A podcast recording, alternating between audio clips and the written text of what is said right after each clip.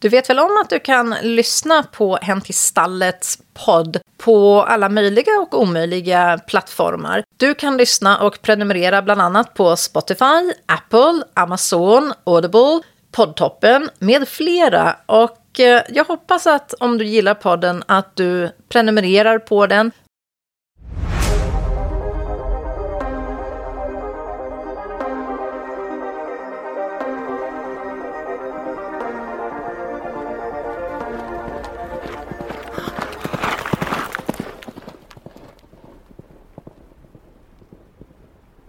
Hej mina vänner och välkomna till ännu ett avsnitt av Hänt i stallet. Idag så tänkte jag lite snabbt gå igenom saker som känns lite för mycket. Jag läser i Expressen att det är en travtränare som har blivit anmäld av en hästskötare och allting handlar om att hästskötaren ska ha blivit tillsagd att träna en halt häst. Och det vet vi ju alla att träna halta hästar, det ska man inte göra. Man ska inte rida dem, man ska inte köra dem, man ska låta dem vara. Men här råder det ju då delade meningar om vem som har sagt vad och vem som har uppmuntrat till vad. Men det som jag reagerar på det är att hästskötaren har filmer. Och det här är någonting som jag skulle vilja diskutera och ta upp på bordet. Måste man verkligen ha telefonen med sig hela tiden i stallet? Och jag menar inte att man det är självklart att om man ser någonting som är riktigt, riktigt dåligt eller riktigt djurplågeri så kan det ju vara bra att kunna filma. Men vore det inte lite trevligare om man gick in med föreställningen att det inte är så fallet? Att det inte kommer bli så. Utan att man ska umgås med hästarna och att man ska ha kul med hästarna och att det är en professionell hantering av hästarna som man jobbar med. Jag tycker att det är lite synd att det är så många som spenderar så mycket tid på telefonen när de är i stallet. Min eh, svägerska hon har en inackordering som hon kommer knappt i stallet överhuvudtaget, den här eh, ägaren till hästen. Men när hon kommer så kommer hon, hon är otroligt uppmejkad. hon ser chic ut, hon har en väldigt fotogenik häst, den har mycket bling, mycket vitt på den hästen. Och den här tjejen hon kommer till stallet och hon plockar ut sin häst, dammar av den lite grann, tar några selfies, postar på sociala medier. Och det är i stort sett det hon gör med sin häst. Och jag tycker det är så synd. Och det går så emot hela den här principen som vi lärde oss på Strömsholm någon gång på stenåldern när jag gick där som elev för att bli ridlärare. Och det handlade om att våra instruktörer de sa åt oss att tiga och rida.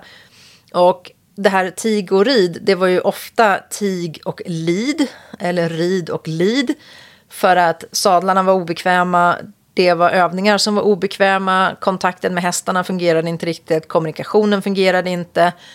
Och eh, man, vi var ju elever, vi skulle ju lära oss och det funkade ju inte hela tiden. Så att det var ju inte alltid angenämt att vara på en ridlektion när man var på Strömsholm. Och många av de här hästarna de tyckte ju att det var otroligt roligt att eh, på den här stora stallplanen när det var hoppning på våren.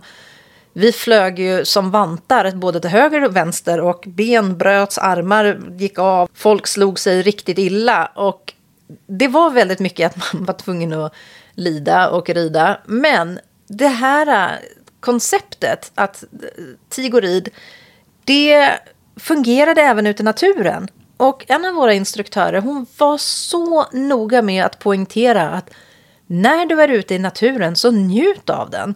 Inte bara är det en säkerhetsmässig kanonsak att folk är tysta när de är ute och rider. För att då hör man om det händer någonting i gruppen om man är ute och rider i en grupp. Eller man hör vad som händer runt omkring. Och nu för tiden kanske det är ännu mer viktigare för att den, hela den här mountainbike-hysterin som är i alla fall där jag bor de kommer från var som helst, hur som helst, jävligt snabbt, ursäkta uttrycket. Och där, då måste man ju höra vad som händer. Så att jag tycker att det är ett bra grund, en bra grundidé att man ska tiga och rida. Och det här är då med att hästskötaren har filmat sin eh, chef och vad det nu är som har hänt. Så är det ju också så att om jag hade mina hästar hemma, vilket jag inte har, så om jag anställde någon så skulle jag införa mobiltelefonförbud. Och det har ingenting att göra med att jag skulle ha någonting att dölja eller att någonting skumt skulle försiggå innanför stallets väggar. Utan det har att göra med att om jag anställer någon att jobba med mina hästar, att sköta mitt stall, ta hand om hästarna, rida hästarna, motionera hästarna. Då förväntar jag mig att den personen gör det på arbetstid och inte sitter på sin mobiltelefon.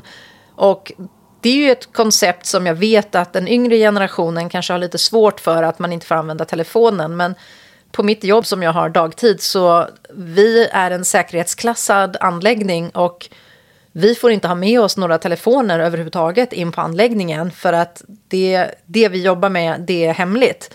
Så att jag förstår inte varför man måste ha med sig telefonen i stallet. De flesta stall, stora stall, inackorderingsstall och eh, ridskolor har fasta linjer som man kan ringa på om det är någonting som händer.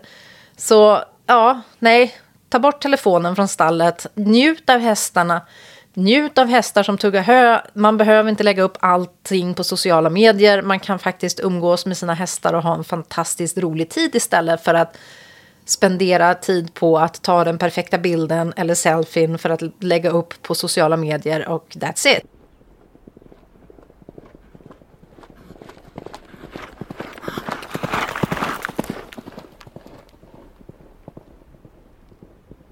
de senaste veckorna så har det ju varit hemskt mycket om dressyrvärlden.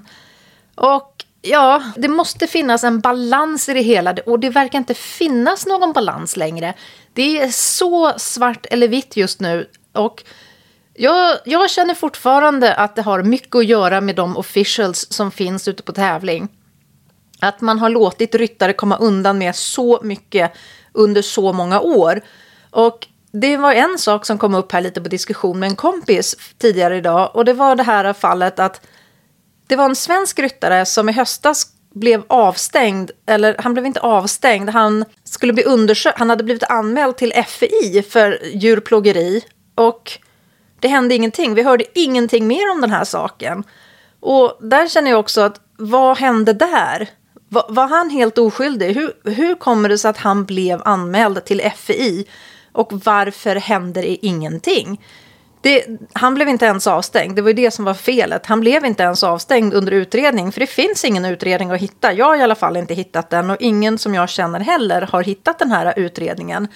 Men nu så stänger man av dressyrryttare på löpande band. Lite som jag sa, att det kommer bli en lavin där Parras-fallet har blivit startskottet för att man kom, nu kommer man börja döma folk utan rättegång. Man kommer stänga av innan man har undersökt. Och det har ju med rättssäkerheten att göra, hur man väljer att gå tillväga med det här. Men ja, jag vet inte. Ska man döma ut ryttare som djurplågare för att hästarna har lite tics för sig? Eller ska man sitta och döma för att det är lite roligt att sitta och döma folk överhuvudtaget? Alla har vi ju suttit och ridit på läktaren.